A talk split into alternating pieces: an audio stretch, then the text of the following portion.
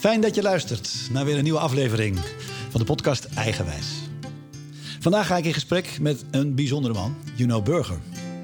Zijn professie gaat over werken met energie, energy clearing. En het is naast zijn levenswerk ook zijn levenshouding. Ik verheug me ongelooflijk op dit interview. Want Juno is als geen ander in staat om de niet zichtbare, maar o zo ervaarbare begrippen als energie, compassie, aandacht, om die te verwoorden in begrijpelijke taal. Voor mensen die nieuwsgierig zijn naar het kunnen doorgronden en het toepassen van datgene waar we allemaal mee omgeven zijn: levensenergie. Wat leeft er nu in mij? Dat is een belangrijke vraag die in de aanpak van Juno terugkomt en waar ik hem uiteraard ook ga bevragen. Als ik zelf op dit moment mezelf die vraag stel, ja, dan ben ik verwachtingsvol. Ik voel een beetje creatiespanning.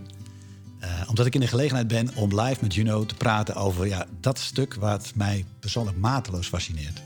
Energie, bewustzijn, compassie.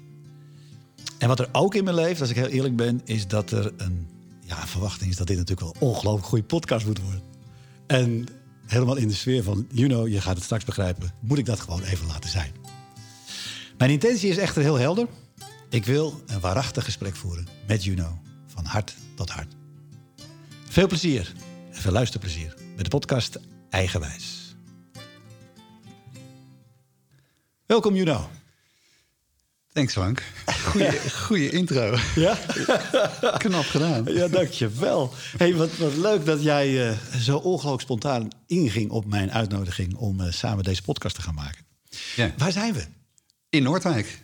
Vertel. Bij mij thuis. Wat... Met jouw eh, reizende podcaststudio. Ja, ja, waar je met heel veel belangstelling naar gekeken hebt. Omdat je zelf, vertelde je, ongeveer hetzelfde setje had aangeschaft. Eh, nou ja, toevallig vanochtend, ja.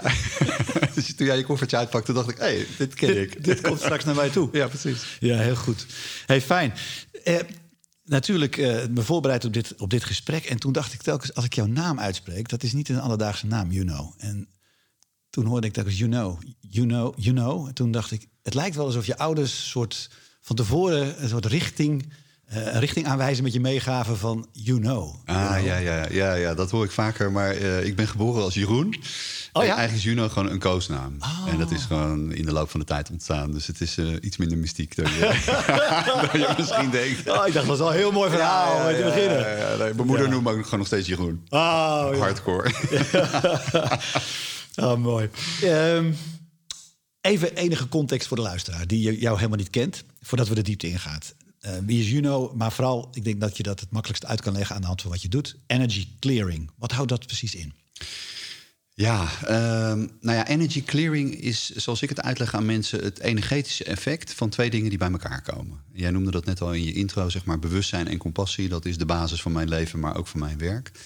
En als je die twee dingen bewust bij elkaar brengt, dan is er een energetisch effect. En dat is een energy clearing. Dus energy clearing is niet zozeer iets wat je doet als in een techniek of een methode, maar het is eigenlijk meer de consequentie van dat je iets heel bewust ervaart, maar ook nog eens een keer heel bewust laat zijn. Ik denk dat we het daar nog uitgebreid over hebben, maar dat, dat is een energy clearing. Ja. Dus een ontspanning, zeg maar, van spanning. Ja, het is, ja die, daar gaan we zeker op in. Maar even voor de begripsvorming. Hè. Wat, hoe zou jij energie omschrijven? Ja, weet je, dat is onwijs ingewikkeld, vind ik altijd. Omdat uh, aan de ene kant is het alles. Dus letterlijk de lucht die je inademt, de, stoel waar we op zitten, je lichaam, het is allemaal energie. Ehm, ja, weet je, voor mij is energie eigenlijk de, de, basis waar alles van gemaakt is. Zo kijk ik ernaar. Dus het grappige is dat het eigenlijk, het is niks, maar het is alles tegelijkertijd. Dus het, het condenseert zich in allerlei verschillende vormen. En ja, misschien een goede manier om het uit te leggen, en dat is een spelletje wat ik vroeger altijd met mijn dochter deed, is dat je gewoon naar iets kijkt en dan net als onder een microscoop gaat inzoomen dus je kijkt bijvoorbeeld naar nou ja, deze tafel, en die is van hout. En als je dat hout een klein stukje maakt en je gaat dan inzoomen en je legt dat onder een microscoop, dan zie je op een gegeven moment allemaal houtvezels. En als je daar dan weer inzoomt, dan ga je moleculen zien. En uh, dus als je de moleculen inzoomt, zie je de atomen. En dan zie je op een gegeven moment, als je op de atomen inzoomt, dan is er op een gegeven moment niks meer. En dan wordt het dus duidelijk, dat is natuurlijk eigenlijk Einsteins verhaal, uh, dat onderliggend aan de materie is energie. Dus dat is een soort ongemanifesteerde, ja, vormloze substantie die zich uit als alles in ons leven. en dat fascineert me, want er zit, je zou kunnen zeggen, als je er. Uh, je zou dan kunnen luisteren vanuit ja, zweverig. En je kan er nou ja. heel erg ook een wetenschappelijke exercitie van maken, zoals je nu net deed. Ja. Waardoor ook duidelijk wordt dat dit, ja, dit is niet mis te verstaan. Het is alleen zo ingewikkeld omdat het niet zichtbaar is. Ja, en tegelijkertijd is natuurlijk, weet je, uh, het zijn ook dingen die we de hele dag aan het doen zijn. Bijvoorbeeld uh, met elkaar bellen. Nou ja, dit alleen al, weet je, dat je gewoon een podcast kan luisteren. Het is eigenlijk zenden en ontvangen, zou je kunnen zeggen. Dus het feit dat je iemand kan bellen met je mobieltje... en dat er door de lucht allemaal golven gaan... en die worden door jouw iPhone opgevangen... en dat wordt omgezet in een gesprek... dat vinden we eigenlijk heel normaal. Plus dat inderdaad wetenschappelijk heel veel van de dingen waar wij het over hebben... natuurlijk inmiddels aangetoond zijn en ook te meten. Dus dat is ook wel weer een soort... Uh, dat komt ook wel weer dichter bij elkaar. En het is ook iets, weet je, we gebruiken die termen eigenlijk de hele dag. Want als mensen bijvoorbeeld zeggen, ja, ik had vandaag onwijs veel energie. Weet je wel, dan vraag ik ze ook wel eens, maar wat bedoel je dan eigenlijk? Weet je wel? En dat is dan inspiratie of gewoon de vitaliteit om iets te doen... of gewoon uithoudingsvermogen of wat dan ook. Dus we gebruiken die termen eigenlijk pas en te onpas. Maar eigenlijk, het is maar zelden dat we onszelf afvragen van... Goh, maar wat is dat dan eigenlijk, energie? En een hele mooie metafoor voor energie vind ik ook water. Dus water is iets wat kan stromen, water is iets wat vast kan zitten, water kan eroderen, water kan vernietigen, water kan polijsten. En dat, dat is eigenlijk wat energie ook kan doen. Dus het is, het is echt iets wat je in je lijf ook kan voelen, wat stagneert. En dat voelen mensen dan echt als, als blokkades. Ja. Of plekken waar het gewoon goed stroomt. Dat je voelt, oh, weet je, het is allemaal ontspannen. En, nou ja, weet je, als water door een tuinslang. Ja. En nou heb jij hier uh, ja, je levenswerk van gemaakt. Ja. Daar heb je veel jaren studie over gedaan. Hoe, hoe is het op je pad gekomen? Kan je daar nog iets over zeggen? Ja, nou, het is eigenlijk ontstaan vanuit een, uh, een hulpvraag, een behoefte. En dat was dat ik als jong kind, uh, denk wat mensen nu HSP zouden noemen, gewoon heel sensitief was voor energie. Wat, wat ik in ieder geval ook een hele normale, natuurlijke staat vind. Ik vind dat eigenlijk helemaal geen diagnose of ziekte. Want ik denk dat je als mens super sensitief bent, daar ook echt voor gemaakt bent. Alleen, uh, ik had daar last van, omdat ik gewoon niet geleerd heb om daarmee om te gaan. Ik bedoel, mijn ouders hadden gewoon geen idee. En dat was ook niet in de tijd dat je op iedere straathoek een yogaschool had... en de Happiness Magazine al bestond, weet je. Dus het was gewoon een soort... Ja, het werd ook niet herkend. Weet je, ik denk dat daar nu veel meer uh, kennis en uh, oplettingsvermogen voor is. Van, oh ja, het is iemand die last heeft van gevoeligheid. Maar goed, voor mij was het, het, het vooral verwarrend. Dus ik, waar ik last van had, was dat ik naar mensen keek of op plekken kom en iets voelde. Uh, maar mensen dan iets anders zeiden. Weet je? Dus ik zag A en de dokter, de leraar of mijn ouders zeiden B. Weet je? En het effect op je systeem is dan dat je kompas in de war raakt. Dus eigenlijk je intuïtie raakt verstoord. En dan ergens om dan toch te reguleren om om te gaan met die instroom van informatie of energie, ontwikkel je gewoon een overlevingsstrategie. En uh, ja, weet je, dat zie ik gewoon natuurlijk ook bij heel veel mensen waar ik zelf dan mee werk nu is dat mensen zich of heel erg afsluiten, dat is wat ik ook heb gedaan. Eh, of mensen zijn helemaal open, maar zijn de hele dag alleen maar aan het reageren. Dus er is geen enkel grip of nou ja, regulering in hoe je met die energiestroom gewoon op, met informatie eigenlijk omgaat. Of frequenties of energie. Ik gebruik die termen ook gewoon onderling uh, uitwisselbaar. Uh, dus mijn overlevingsstrategie was om af te sluiten. Nou, ik doe gewoon net alsof dit niet bestaat achteraf realiseerde ik me natuurlijk gewoon dat het even goed doorgaat. Alleen, je, ja, weet je, je drukt gewoon op een soort snoesknop en je doet gewoon net alsof het er niet is. En daardoor filter je het uit, maar even goed heb je natuurlijk superveel last van. Uh, en ik was vervolgens, ja, dacht ik gewoon heel goed bezig, weet je, want ik ging studeren en toen ik klaar was, uh, had ik een, uh, een mooie corporate baan met een leaseauto en een pak iedere dag aan. En ik dacht, nou, het gaat allemaal goed. tot ik dus achter in de twintig was en mensen eigenlijk, ja, nou ja, toch wel een soort over mij gingen klagen. Mijn vrienden en relatie en ook familie. Van joh, gast, er is gewoon helemaal geen contact met jou te maken. En dat was ook echt zo. Dus ik was aan de buitenkant heel goed bezig, maar aan de binnenkant eigenlijk een soort, nou ja, mega uh, niet verbonden en niet beschikbaar. En dat was eigenlijk mijn wake-up call. Dat ik dacht van ja, ik wil helemaal niet zo leven. Ik wil niet zo zijn. Ik wil juist in verbinding zijn. Maar ja, hoe doe ik dat? Nou, en dat is eigenlijk het startschot geweest van mijn zoektocht naar hoe kan ik nou zo met die gevoeligheid omgaan... dat ik wel helemaal open kan zijn om het leven te ervaren, het hele spectrum. Want ergens voelde ik wel van, nou, volgens mij is dat de bedoeling hier. Uh, maar op zo'n manier dat ik daar geen last van heb. En dus ergens denk ik dat ik wel wist van, nou, volgens mij zit die ingebouwde technologie ergens... waardoor dat mogelijk is. Nou ja, en toen ben ik gewoon gaan zoeken. Uh, dus ik heb heel veel verschillende vormen van energiewerk over gelezen, bestudeerd, uh, praktijk in gehad, les ingegeven. En sommige zijn gebleven en andere waren weer heel snel weg, omdat het gewoon niks voor mij is. Nou ja, en het resultaat daarvan is eigenlijk dat wat ik nu doe.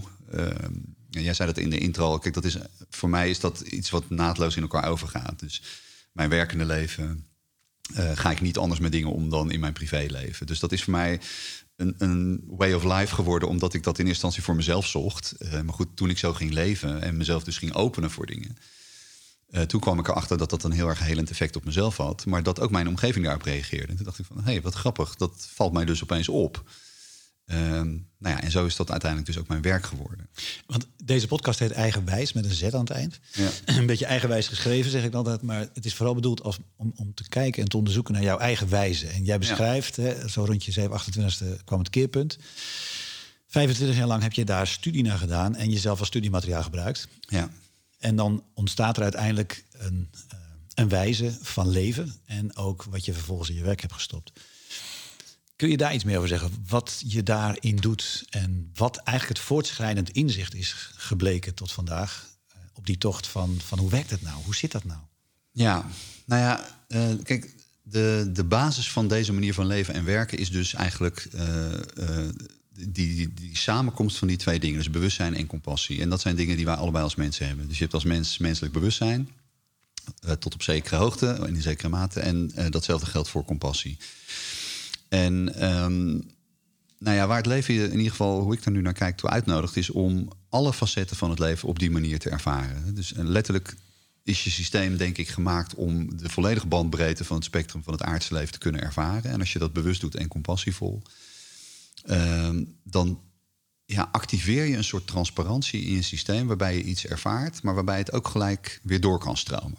En dat is eigenlijk uh, de manier waarop je jezelf kunt verrijken. Omdat elke keer als je dat doet, en dus voor elke frequentie, elke energie, elk stukje informatie wat je op een dag tegenkomt, kan je je systeem dus leren om zichzelf daar helemaal voor te openen. En doordat je dat dus helemaal ervaart, maar ook herkent en omarmt en laat zijn, integreer je ook die frequentie in je systeem. Dus het is een soort training voor je zenuwstelsel, zou je kunnen zeggen.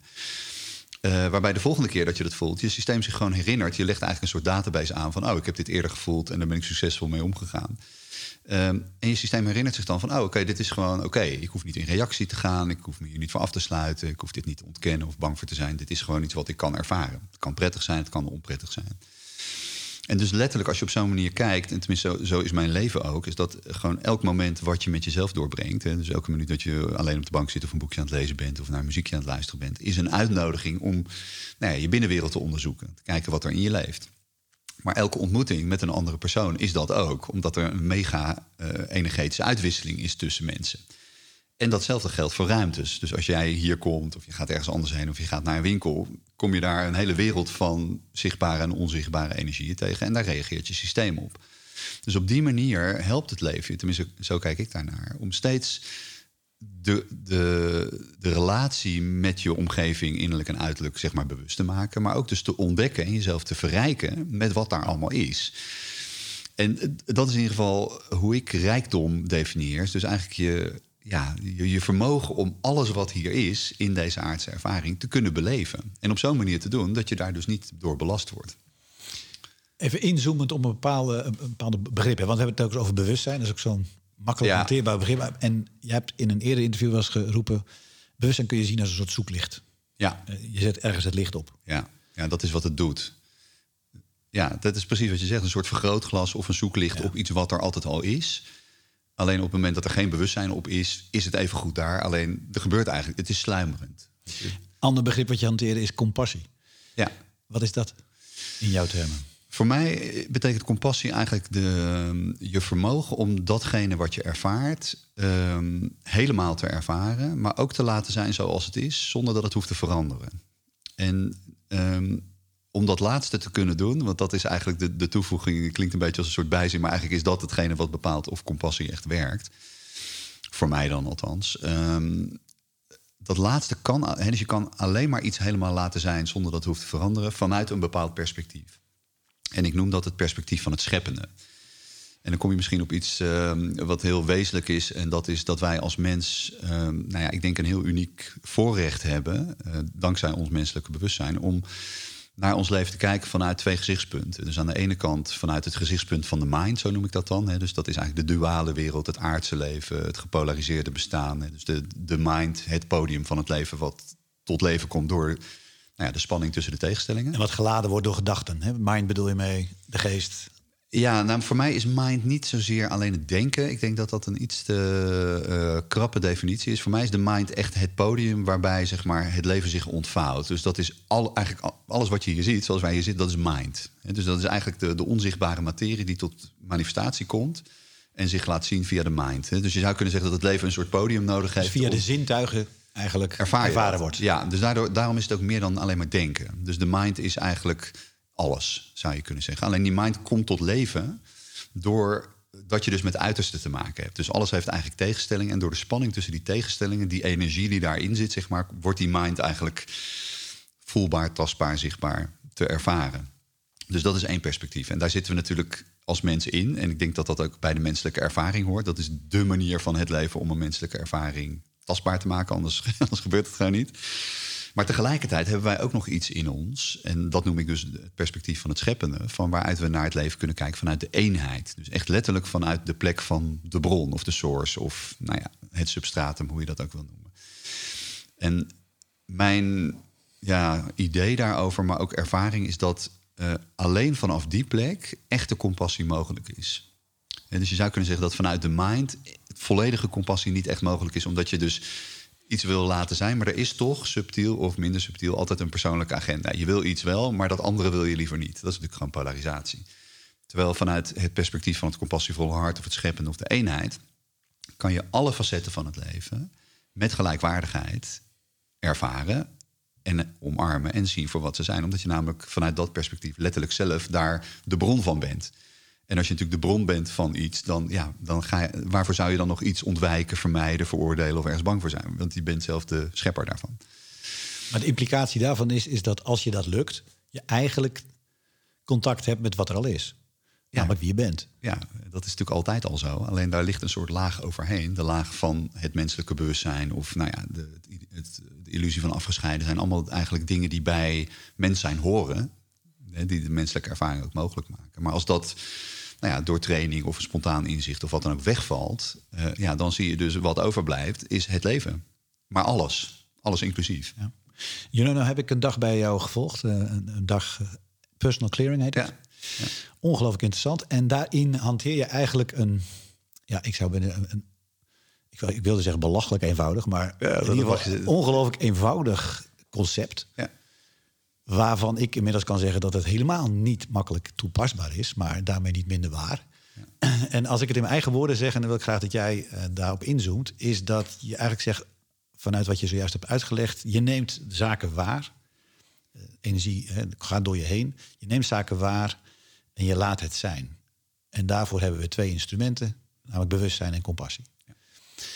En Jij zei toen, en dat raakte mij zeer, dat je zei: compassie is niet alleen zonder oordeel zijn, maar het is ook zonder verwachting zijn. Dat maakt hem, vind ik, nog uh, zuiverder. Je hebt hem net al heel mooi uitgelegd. Nou, is dat, dat begrijp ik, hè? Dus ik snap het concept. Ik kan het zelfs doorvoelen. Kan zelfs denken, en ik heb ook momenten dat ik het, dat ik het heb. Hè? Als ik vanuit die source, waar, waar een groot verlangen van mij ligt om alles vanuit die source te mogen doen. Tegelijkertijd is mijn mind bijzonder actief. en vind ik het dus heel lastig om dat toe te passen. Maar laten we eerst even nog inzoomen op dat, ik noem het maar even concept, want dat is het lastige natuurlijk. We hebben het over eigenlijk zaken die voorbij de mind gaan en die dus vrij moeilijk te verwoorden zijn. Want het, ja. ja, dat is het dilemma. ja. ja. En je zou kunnen zeggen dat waar we het over hebben nu, hè, dus bewustzijn en compassie en dingen laten zijn zoals ze zijn zonder dat ze hoeven te veranderen, dat dat het enige ding is wat de mind dus niet kan.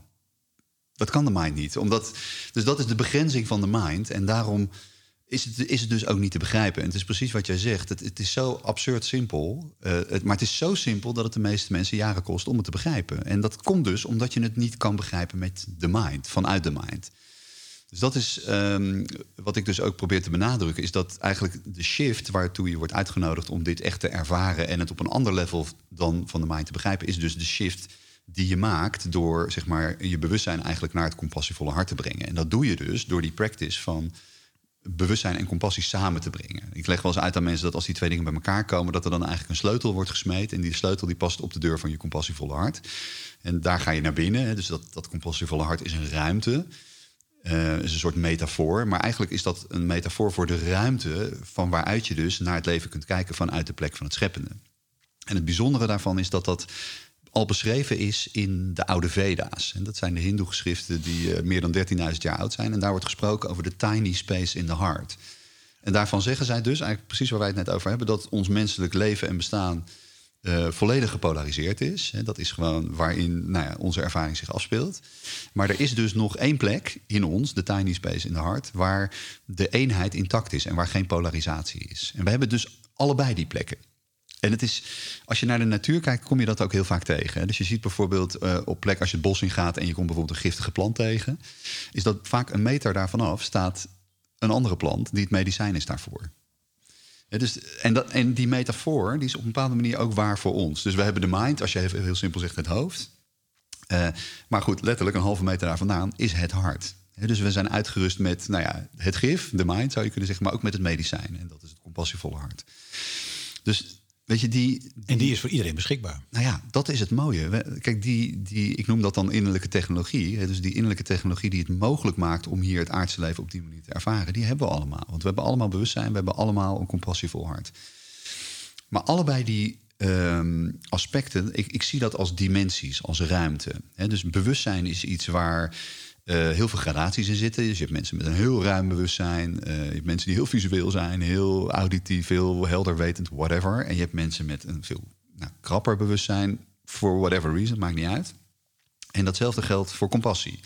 Dus je hebt mensen die, wijze spreken, vanaf hun geboorte al het leven gewoon kunnen laten zijn zoals het is, omdat ze gewoon zien, nou, dit is het gewoon. En je hebt mensen die totaal in reactie zijn. Dus Ehm, wat jij net beschrijft over van, oké, je hoort dit en dan denk je, nou, dat is simpel en ik ga dat doen. En oké, en tegelijkertijd kom je ook iets anders tegen. Dat is de reality check. Dus in het zeg maar, beoefenen van iets waarnemen en laten zijn, kom je dus ook tegen dat, dat je het misschien maar tot in bepaalde mate kunt waarnemen of tot in bepaalde mate kunt laten zijn. En op die grenzen van je comfortzone, hè, dus daarbinnen gaat dat eigenlijk vanzelf, maar op een gegeven moment bereik je dus een punt uh, dat je er dus niet meer kunt laten zijn, omdat je bijvoorbeeld het dan toch veroordeelt of toch bang voor bent. En dat is je geconditioneerde reactie. Hè, dat is dus de andere kant waar je mee te maken hebt. Die dan gewoon letterlijk ingrijpt op basis van een nou ja, serieuze training, misschien over heel veel levens heen, of wat al in je familielijn zit of wat dan ook. Wat gewoon op een gegeven moment zegt van nu vind ik het niet meer relaxed. Dus nu kan ik het niet laten zijn. Dus nu ga ik toch iets doen om dat te fixen. Of ik neem het persoonlijk, of ik wil uitzoeken wat het is, of whatever. En dat is, en dat is heel belangrijk om, um, uh, om te constateren en ook om daarin te verzachten. Dus, en dat is ook typisch een ding van de mind natuurlijk. Die hoort zoiets als dit, oh, waarnemen laten zijn. En die hijjackt dat eigenlijk gelijk als een soort manier om dan, nou ja, zichzelf in stand te houden. Ja. Alleen, dit is dus iets wat de mind niet kan. En dan krijg je dus op een gegeven moment dat punt van je gaat het doen, maar het werkt niet helemaal. Althans, zo lijkt het. En het werkt wel, want het laat zien dat je aan de ene kant dus in staat bent om dingen te ervaren en te laten zijn. Maar het laat ook zien dat je systeem onbewust geprogrammeerd is om op een andere manier daarmee om te gaan dan dat je misschien dan op dat moment zou willen. dus waar je iets niet wil laten zijn of uh, waar je gewoon toch in de verkramping gaat. Laat, laat ik me heel concreet maken. Ik kwam bij, we kwamen binnen, een, een mooie entree-gesprek met elkaar. En toen zei ik, ik, vind, ik ben wel een beetje gespannen. Ja. Dus even in jouw eigen uh, theorie, hè, dit is eigenlijk geen theorie, maar zoals je het beschrijft, mag dat er dus zijn? Nou dat is dus de vraag. Dat is de uitnodiging. Dus de uitnodiging is eigenlijk, het begint met er wordt spanning ervaren. Dat is wat, er, dat is wat jij beschrijft, hè? dat is wat er geconstateerd wordt. En dan is dus in die ervaring die in je bewustzijn komt de vraag van, mag het er echt zijn? Dus kan je gewoon met die spanning zijn, kan je het helemaal voelen... en terwijl je het voelt, realiseer je van, oké, er wordt spanning ervaren, so what? Maar er is letterlijk niks in jou wat ingrijpt, wat denkt, oh, ik vind het niet relaxed, ik wil nu rustig zijn... Weet je, als dat zo is, dus als de compassie en het bewustzijn volledig is en je kan het helemaal laten zijn, dan is er geen probleem. En dan wordt die spanning gevoeld en dan heeft jouw lichaam een natuurlijke timing en dan weet ik veel binnen no time is die spanning uit je systeem.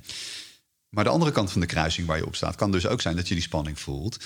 En dat je het voelt. En dat je zeg maar van die 100% spanning die er is, 20% kan laten zijn. Maar die andere 80%, dat is dus waar jouw systeem ingrijpt. En denkt: oh shit, ik, ik, ik, moet nu iets doen moet even rustig gaan zitten, ik moet mediteren, whatever, om dat te fixen. Snap je? En dat is dus wat, waar dit je eigenlijk toe uitnodigt om te onderzoeken, als er spanning wordt ervaren in dit voorbeeld, tot welke mate kun je het laten zijn? Kan je het voelen en kan je het laten zijn? En in welke mate is er toch iets in jou wat ingrijpt. Of dat censureert. Of... Maar ik zoom even in op jouw begrippen van 20% tot 100%. Dat is, dat is een mooie metafoor. Maar die 20% is eigenlijk de compassie. Zeg maar, de ruimte die je in jezelf hebt om het te kunnen absorberen. Ja, dat is je beschikbaarheid. Dus dat is, dat is de mate, de ruimte inderdaad die je hebt... om datgene wat je op dat moment ervaart, van die 100% spanning... Die 20% kan je dan laten zijn zoals het is zonder dat dat hoeft te veranderen. Maar er is nog 80% die je niet kan laten zijn en die wel moet veranderen. Op basis van jouw vaak onbewuste geconditioneerde patronen in hoe je met spanning omgaat. Dus als jij als kind geleerd hebt van nou, als er spanning is, bijvoorbeeld door je gezinssituatie, en daardoor verkramp je helemaal, en dat is jouw training op een onbewust niveau van jouw systeem, dan is het dus heel waarschijnlijk dat op die grens van die 20% waar je het kan laten zijn en waar je het op een gegeven moment niet meer kan laten zijn, dat daar dus dat programma aangaat en volledig automatisch jij dus die verkramping voelt, omdat je gewoon aangezet wordt door die spanning. Maar dat is juist zo mooi daarvan want je denkt dan vanuit de mind van, oh, er gaat iets niet goed. Ik faal, want ik wil, het, ik wil het helemaal laten zijn, maar het lukt me niet. Maar eigenlijk wat zo mooi is, is wat dan dus duidelijk wordt van, ah, oké, je kan het voor 20% laten zijn. Maar er is dus een punt waarbij je dus bewust wordt van, oh, er is dus ook nog iets in mij wat dat niet kan. En het mooie van compassie is dus is dat je wordt uitgenodigd om die reactie van, oh, als ik spanning voel, verkramp ik dus, om die op te merken en die te laten zijn. Want dat is namelijk wat er dan gebeurt. En ik snap dit heel goed. Ik ben ermee aan het oefenen. Ik vind het rete moeilijk. Het is het ook, ja. Omdat die, wat je nu beschrijft, hè, die 80% weerstand, hè, die mind die ja. uh, gebaseerd op, uh, historische, hè, op historisch materiaal. En die zegt, ja, maar dat is net zo waar, hè, want ik voel het in mijn donder. Dus die gaat enorm in het verzet. Ja. En dat maakt compassie naar mezelf toe ongelooflijk. Dat vind ik dan heel erg moeilijk. En zeker hè, die mate van 20, 80 mijn vraag daaraan gekoppeld is, het zijn twee vragen. Eerst zag ik je een beetje fronsen toen ik, eh, toen ik eh, compassie uitlegde als oordeelvrij en zonder verwachting. Toen dacht, zag ik je een beetje. Dus nog even naar dat, dat, wat is dat? En de volgende vraag is natuurlijk, als compassie eigenlijk de sleutel is naar neutralisatie van spanning, hoe vergroot ik die? Nou ja, dat is dus de paradox hierin. Je vergroot hem juist door dus het verzet, wat je op dat moment voelt, waar je het niet kan laten zijn, om dat op te merken en dat te laten zijn. Want wat namelijk gebeurt, je, je wil het omarmen. Hè? Dus in eerste instantie is dit horen een soort intellectuele van... ah, I get this. Hè? Dat zeg je ook, ik snap dit. En dat is ook logisch, want het raakt iets aan wat je herkent. En dan ga je het doen en dan komt de reality check. En dan komt er dus, uh, dan wordt heel duidelijk dat er een verschil is tussen van... oh, ik ga dit doen, maar ik kom nog iets anders tegen. En dat is dat ik het op een bepaald punt niet kan laten zijn. Er wordt verzet ervaren of frustratie. En de manier om je compassie te vergroten is dan om dus niet zeg maar te denken van... oh, er gaat nu iets fout, ik doe het niet goed... ik moet 50 uur extra mediteren en 100 uur extra yoga doen. Maar om dus juist gewoon simpelweg dat wat er gebeurt... namelijk er wordt verzet ervaren...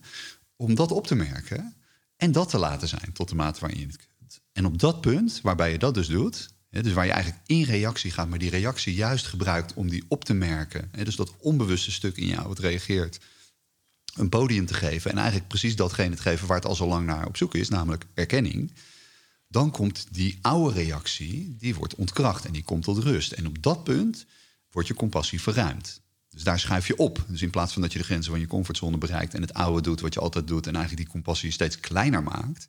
Want comfortzone klinkt leuk, maar eigenlijk is dat een gevangenis. En als je steeds op dezelfde manier met dingen omgaat, wordt die gevangenis steeds kleiner. En waar dit over gaat, is door juist de grenzen van die comfortzone of van je gevangenis op te zoeken.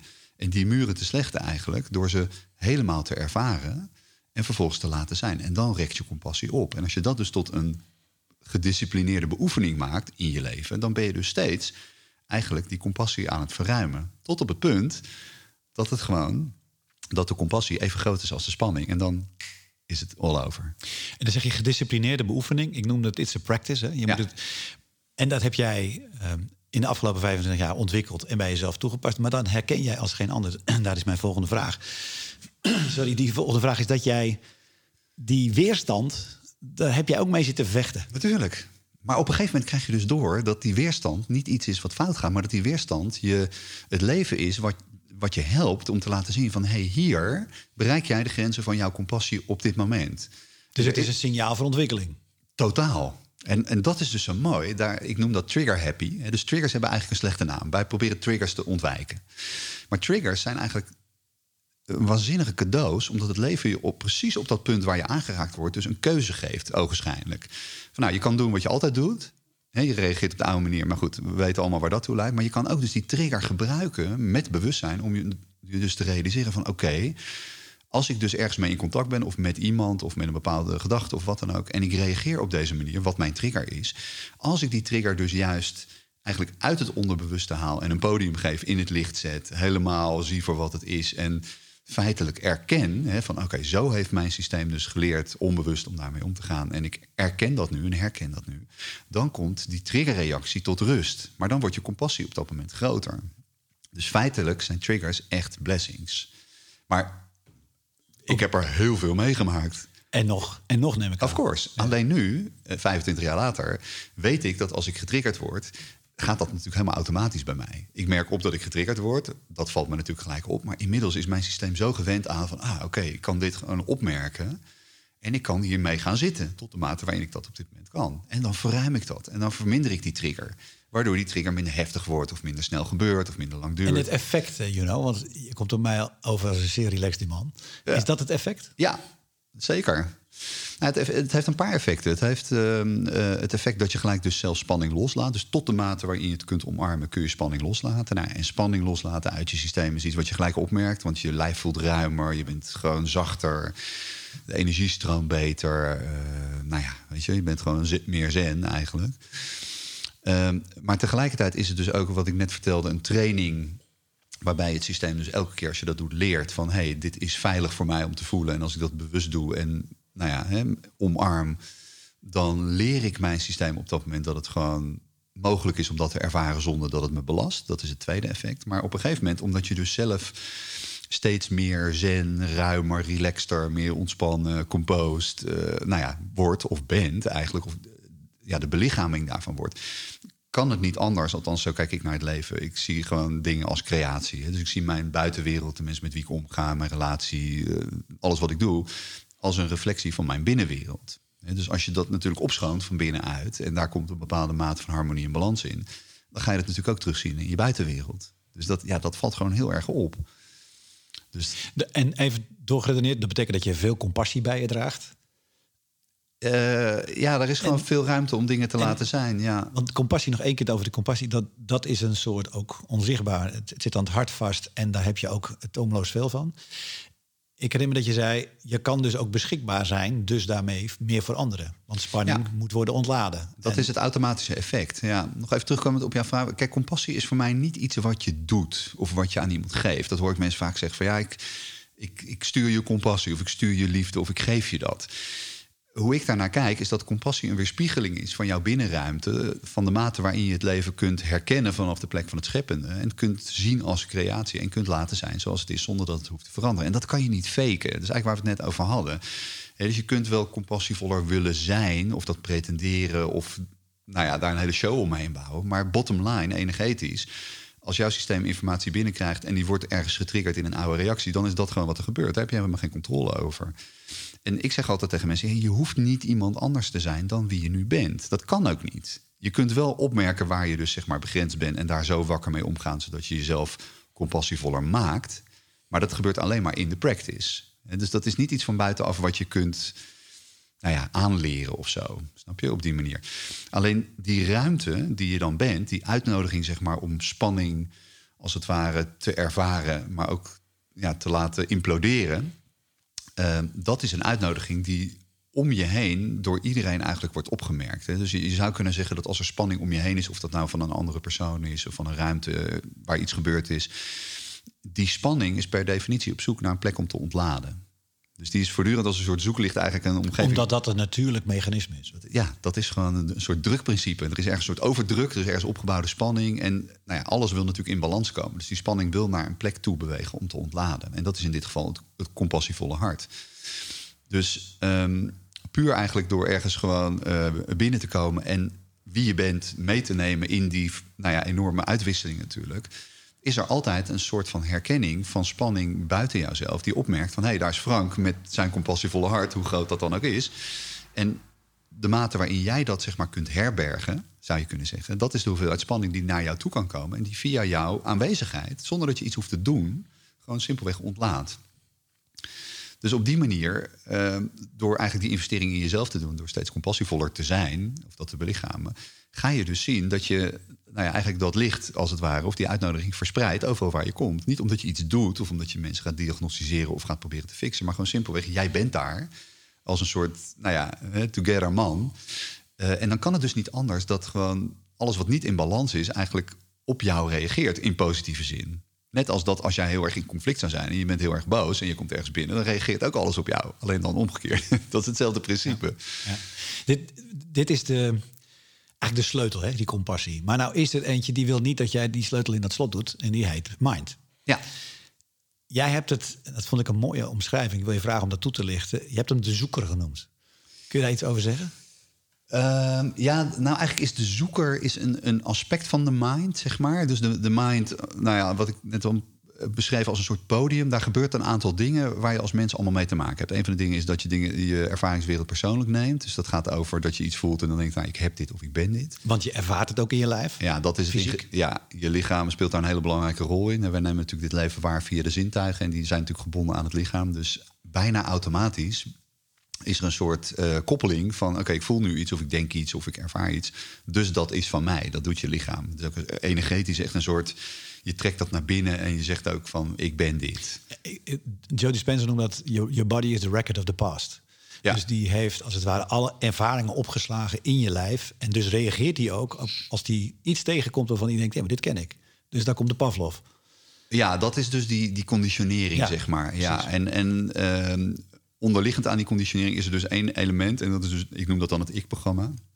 Eh, wat er dus steeds voor zorgt dat je een soort ja, museum aanlegt van al je ervaringen die je hebt gehad.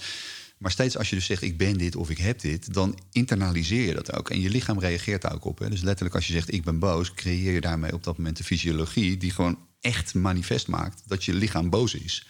Dat is allemaal onderzocht. Dat is inderdaad het werk van eh, Bruce Lipton en Joe Dispenza en Candace Pert en allemaal celbiologen die, dat, die die connectie hebben gemaakt van hey, ervaren iets en dan plakken we onszelf daarbovenop. Maar we worden dat dan dus ook. It's firing and wiring in the brain. Zeg maar. Je, Eh, ja, je ja, voedt het met ja. de gedachte. Ja, dus letterlijk al die neurale paden die je aanmaakt, dat is eigenlijk de fysieke, fysiologische manifestatie van het feit dat je dus identificeert met je ervaringswereld. Dus dat is wat Bruce Lee ook zei: hè? So, so you think, so you become. Dat is ook echt zo. Dus gedachten zijn krachten. Nou, al die tegeltjes wijsheid is allemaal waar. Maar het interessante daarvan is dus dat je als je, door, als je de taal verandert, hè, dus in plaats van dat je zegt ik ben boos of ik heb deze eh, angst of wat dan ook, is dat je gewoon als je zegt van er wordt boosheid ervaren, dat je eigenlijk dat stuk wat het persoonlijk neemt er als het ware tussen uitsleutelt en wat er dan overblijft is gewoon de feitelijke ervaring. Wat je feitelijk doet, is dat je observator wordt van je gedrag. Ja, maar niet vanuit het idee van dat je een afstand neemt. Want dat is een beetje tricky met observator worden, is dat je eigenlijk dit doet. Ja, dus je Maar laten we zeggen, de positie waarvan Ja. uit je kijkt, Ja. is, eh Muji noemt dat de bird in the tree. Ja, je kijkt vanuit de vogel die in de boom naar de andere vogel kijkt. Ja, maar dat is dus wel opnieuw is dat dan wel het perspectief van het scheppende. Want als de mind dat doet, dan is dat een strategie van de mind die zegt van oh, ik, ik ga hier nu van een afstand naar kijken. En eigenlijk is dat natuurlijk vette polarisatie, hè? want je zet ergens gewoon een muur tussen. En je Ja, en dan is, het, dan is het weer fixen, zoals jij Ja, noemt. Hè? nou, en dan kom je bij de zoeker. Ehm, want los van dat ik-programma, eh, datgene in jou wat het persoonlijk neemt, is er dus ook iets wat. ehm, nou je raakte dat net al aan. Van het is eigenlijk datgene wat de mind dus niet kan. Het laten zijn zoals het is. Dus wat die mind doet, zonder, of wat, zonder dat hij dat doorheeft, is dat hij vanuit een soort paniekreactie en een soort bedreiging van het bestaansrecht. ten koste van alles wil voorkomen dat je je realiseert van, oh, maar wacht even, dit is het al. Dus wat de mind doet, er wordt iets ervaren en dan springt die mind daar bovenop en die zegt, nee, nee, nee, dit is het niet. Eh, we moeten uit gaan zoeken van wie het is en waarom het zo is en wanneer het begonnen is en wat het betekent en nou ja, van wie het is. Vooral die vraag is heel populair. Ik noem dat de vijf W's, hè? dus wie, wat, waar, waarom en wanneer. Dus als die vragen in je opkomen, dan is dat dus een hele sterke aanwijzing dat er dus iets in jou is wat eigenlijk wil voorkomen wat je aan het zoeken bent. En dat is dus het belang van de mind of de zoeker die je als het ware wegneemt van wat er gebeurt. In een verhaal brengt. En dat is ook nou ja, wat natuurlijk zo, zo mooi daaraan is. Hè, uitzoeken wat het is, vorige leven. Nou, what's the meaning? Hè? En de belofte van de zoeker is dan dat als je het helemaal in kaart hebt gebracht, dat je iets kunt doen om dat te fixen. Dat is, dat is het grote voorland van de zoeker. Ehm, en dat fixen kan dus betekenen dat als je iets ervaart wat heel relaxed is, dat je er zo snel mogelijk vanaf bent. Dat is natuurlijk waar de meeste mensen mee bezig zijn. Of als het heel fijn is, verliefd zijn, chocola eten, succes, whatever, dat je iets kan doen om dat zo lang mogelijk bij je te houden. Dus dat is eigenlijk het belang van de zoeker en het verhaal. Je, je gaf tijdens de workshop een fantastische omschrijving. Eh, namelijk de zoeker heeft een contract afgesloten met als. Ja, ja. En in dat contract staat, gij zult zoeken, maar gij zult niet vinden. Ja, dat is, dus, dat is dus hetgene wat de zoeker eigenlijk ten koste van alles probeert te voorkomen. Dat het gevonden wordt. En wat er natuurlijk gevonden wil worden is van... oh, maar wacht even, dit is het al. Ja, en daarmee heeft hij geen bestaansrecht. Nee, dat is dus einde van de zoeker. En het gekke is dus dat, dat die zoeker, zonder dat hij dat doorheeft, dat hij daar eigenlijk het meeste naar verlangt. Maar, maar, maar you know, dan, ik snap dit hè, ook weer en ik kan me ook voelen. Maar je hebt die mind ook nodig. Ja, ja maar, maar dat is dus het mooie van deze benadering. Is dit gaat dus niet over het overwinnen van de mind. Of het bestrijden van de mind. Of het doden van de mind. Of kill your guru. Dit gaat over als er mind is en je neemt iets persoonlijk. Uh, en je gaat in verzet en het lukt je niet. Om dat dan dus niet af te wijzen. Maar om dat dus te zien als van, oh, maar wacht even, dit is de mind, dit is hoe mijn systeem heel lang hiermee om is gegaan. En juist door dat dus met een bepaalde zachtheid en welcoming attitude eigenlijk te ervaren en te omarmen, opnieuw vanuit de plek van het scheppende, dan komt die mind dus tot rust. Ik heb je twee keer al horen zeggen zachtheid. En dat is een belangrijk begrip. Want, ja. want, want de mind, ik neem mezelf als voorbeeld, oordeelt bij oh, continu. Schaamte, schuld, alles zit in dat stuk. Mind is echt keihard, voor zichzelf vooral. Ja. Terwijl zonder dat die mind dat doorheeft, is hij dus eigenlijk naar één ding op zoek. En dat is mijn conclusie, dat alle facetten van het leven naar één ding op zoek zijn. En dat is erkenning. Dus zolang die mind wordt afgewezen en veroordeeld, en dat is natuurlijk het, eigenlijk eh, de tragedie van de spirituele zoektocht voor heel veel mensen, is dat ze ten koste van de mind een spirituele ontwikkeling aangaan. Alleen dus niet doorhebben dat de mind, gewoon even in algemene zin, natuurlijk ook een facet van het leven is. En ook op zoek is naar erkenning. En op het moment dat die mind dat krijgt, oh, dan komt hij helemaal tot rust. En dan wordt hij functioneel. Maar zolang je die mind afwijst, op een gegeven moment krijgt die mind zoveel energie, zoveel ja, gepolariseerde energie, dat die mind een koep gaat plegen. Nou, dat is de wereld waar we nu in zitten, denk ik. Dat is gewoon het resultaat van eeuwen, decennia, misschien wel millennia. Al die aspecten die in de mind leven, met name de schaduwkant, gewoon structureel zeg maar onderdrukken. Nou, sooner or later krijg je dus natuurlijk daarmee te maken. Want ze kloppen op je deur van, joh, wil je ons erkennen? Nou ja, niemand heeft daar tijd voor of zin in. En vroeg of laat ja, staan ze opeens natuurlijk met nou ja, een leger voor je deur. Dus het gaat over inclusiviteit in plaats van exclusiviteit. Alleen maar, ja, all inclusive. Maar opnieuw die alles inclusiviteit, dus ook van de schaduwkanten, die natuurlijk eigenlijk aan de basis geen schaduwkanten zijn. Het zijn gewoon aspecten van het leven. Alleen door, doordat wij niet daar eigenlijk goed mee om kunnen gaan, ja, delen we ze in in donkere kanten, schaduwkanten, positief, negatief, whatever. Zitten ze in die kelder te wachten op datgene wat ze zo graag willen. En dat is erkenning van, ja, mogen wij er ook bij, mogen wij er ook zijn. En dat is dus de uitnodiging van compassie, dat er dus een podium is, de mind, het leven, waarin je die dingen zichtbaar kan maken, voelbaar. En waarbij ze dus vanuit dat perspectief van de source, vanuit de eenheid, kan verwelkomen. En ik denk dat dat ook echt een shift is in ons, in, in de fase van de mensheid waarin wij nu zitten. Hè? Dus ik bedoel, er wordt heel veel duidelijk uh, op dit moment. Gewoon, er komt heel veel naar boven. En ik denk echt dat wij als mensen worden uitgenodigd om op te groeien. Hè? Dus wij worden wakker. Uh, het, is een beetje Ken Wilber's verhaal. Het verloopt eigenlijk in drie fases. Hè? Dus je hebt wake-up. Nou, heel veel mensen worden wakker door allerlei situaties, omstandigheden, whatever. Maar de volgende fase is clean-up. Dus we kunnen niet wakker worden zonder naar ons leven te kijken en denken van oeh, Oké, we hebben er ook best wel een zootje van gemaakt. Hè? En we zijn als mensen in staat om onvoorwaardelijk lief te hebben en prachtige dingen met elkaar te doen. Maar we zijn ook in staat tot totale destructie en puinhoop en geweld en nou, alles wat daarmee te maken heeft. En pas als wij als mensen dat hele spectrum kunnen aankijken en kunnen realiseren van oeh, oké, als ras, als mens of als tribe kunnen wij dit allemaal doen. Alleen we willen dat niet meer. dus door al die schaduwkanten gewoon ook echt te erkennen als aspecten van het menselijk leven. En die um, echt te omarmen. En met omarmen bedoel ik niet goedkeuren. Want dat is wat de mind dan denkt. Van ja, oké, maar er zijn ook dingen die kan je niet goedkeuren. Maar dit gaat niet over goedkeuren. Dit gaat over de erkenning dat ze er zijn. En de paradox is juist dat op het moment dat ze bewust ervaren worden en worden erkend, dan komen ze tot rust. En dan hoeven ze dus niet meer zo uitgeleefd te worden. Dat, je, je gebruikt het woord paradox. Want eigenlijk wat telkens nodig is, dat je voorbij die mind gaat. Om weer uh, contact te krijgen met source. En paradox is kennelijk een soort manier waarbij de mind in de luren wordt gelegd en je ervaart hoe dat is. Klopt dat? Ja, ja. Ik weet niet van wie die quote is, maar uh, daar heeft iemand uitgezegd: Paradox is life's logic. En dat is dus precies omdat de, de, uh, de mind op een bepaalde manier werkt. Daar is een bepaalde dynamiek en wetmatigheden heb je daar. En dat heb je in het compassievolle hart ook. Dus eigenlijk de oplossing voor wat er in de mind niet goed gaat... is precies het tegenovergestelde van wat de mind denkt. En dat is eigenlijk wat het, wat het compassievolle hart doet. Hè. Dus waar de mind in tijd en ruimte, tegenstellingen, polarisatie, uiterste dualiteit werkt... werkt het compassievolle hart in eenheid, in inclusiviteit, wat jij net zegt. dus ehm, in jouw formulering, wat je net zegt, eigenlijk het doel is om aan de mind voorbij te gaan. Het gevaar daarvan is, is dat je denkt van, oh, dit is iets wat we moeten transcenderen. Het gaat dus juist niet om de mind voorbij te gaan, maar eigenlijk om de mind helemaal te verwelkomen. En als er mind is, in wat voor vorm of intensiteit dan ook, om die dus niet voorbij te gaan, maar om er juist in te gaan. Om het juist helemaal te verwelkomen, te voelen in al zijn intensiteit en zijn rijkheid en het te zien voor wat het is. Ah, dit is polarisatie. Oh, dit is oordeel. Oh, dit is angst. Dit is tegenstelling. En veel spirituele ontwikkeling, zoals ik het althans ervaar, is toch gebaseerd op die tegenstelling. Want die mind is eigenlijk je vijand, je persoonlijkheid. Maar jij zegt, en dat vind ik interessant. Ik, ik, vanochtend had ik een mooi gesprek met een vriendin van me. En die zei. Ehm, of ik zei tegen haar, ik zou zo graag meer contact willen hebben met de bron. En ik ga naar Juno toe. En als nou de bron een pizza zou zijn, dan heeft Juno een pizzapunt te pakken. En die pizzapunt, zoals je hem nu formuleert, is dat je eigenlijk zegt: jongens, het is niet een route naar, het is eigenlijk thuiskomen met, maar dan wel inclusief alles. Ja, ja, precies. Maar het is alles inclusief, maar echt alles, zonder uitzondering.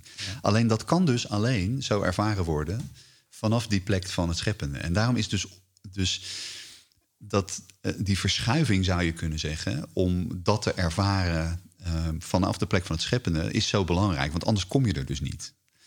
En daarom zit dus in dit hele uh, systeem, zou je kunnen zeggen, van omgaan met dingen, is dus juist. Uh, er zitten een aantal elementen in die in eerste instantie tegenstrijdig lijken. Dus je laat je juist heel bewust triggeren. Je, je zoekt juist zeg maar, je onbewuste geconditioneerde reactie op, je schaduwstukken.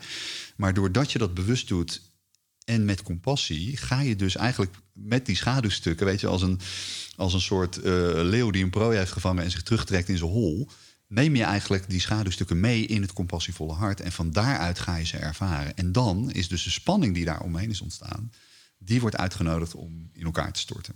En wat ik voel aan jou, you is dit, heb je, dit leef je. Dit is geïnternaliseerd. Dit is geen wijsheid van iemand die het goed kan vertellen. Dit doe je. Ja. Dit is jouw dagelijks way of living. Ja, dit is echt mijn leven. Ja. En dat, ehm, en dat bewonder ik in die zin, dat ik veel respect voor dat je daar echt je levenswerk van hebt gemaakt. Maar de afgelopen 25 jaar dat heeft gepolijst, als het ware. Ja dat is best een toch geweest. Ja, maar ja, weet je, het, het, dat gaat echt over leven voor mij. Dus leven is voor mij echt uh, aan zijn. ik, en, ik zei laatst tegen iemand van ja, weet je, het is een beetje alsof je naar de Efteling gaat, maar dan niet in de Python gaat. Weet je, dus je komt hier als mens naartoe. In een totaal unieke setting, een waanzinnige planeet. En je krijgt een fantastische spacesuit om dat allemaal te ervaren. Uh, en dan van alles wat er te ervaren is, dus het hele spectrum, eh, ga je maar zo'n stukje ervaren, want dat is comfortabel voor je, hè, op basis van je hele historie. Ik, snap dat het zo werkt, maar eigenlijk is dat natuurlijk heel erg zonde, want er is een heel groot deel van het leven waar de meeste mensen gewoon nooit aan toekomen.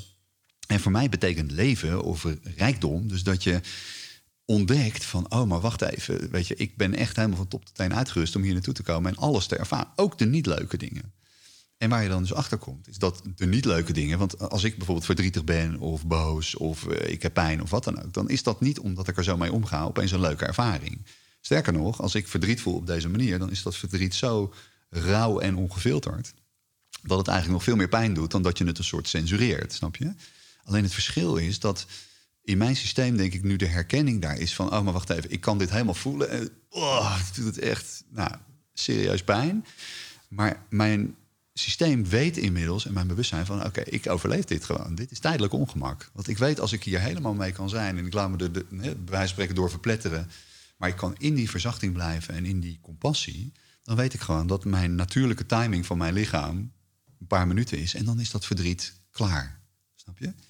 En dan heb je, die, dan heb je die ervaring geïntegreerd en jezelf daarmee verrijkt. Tot zover het eerste deel van het gesprek met mijn gast Juno Burger.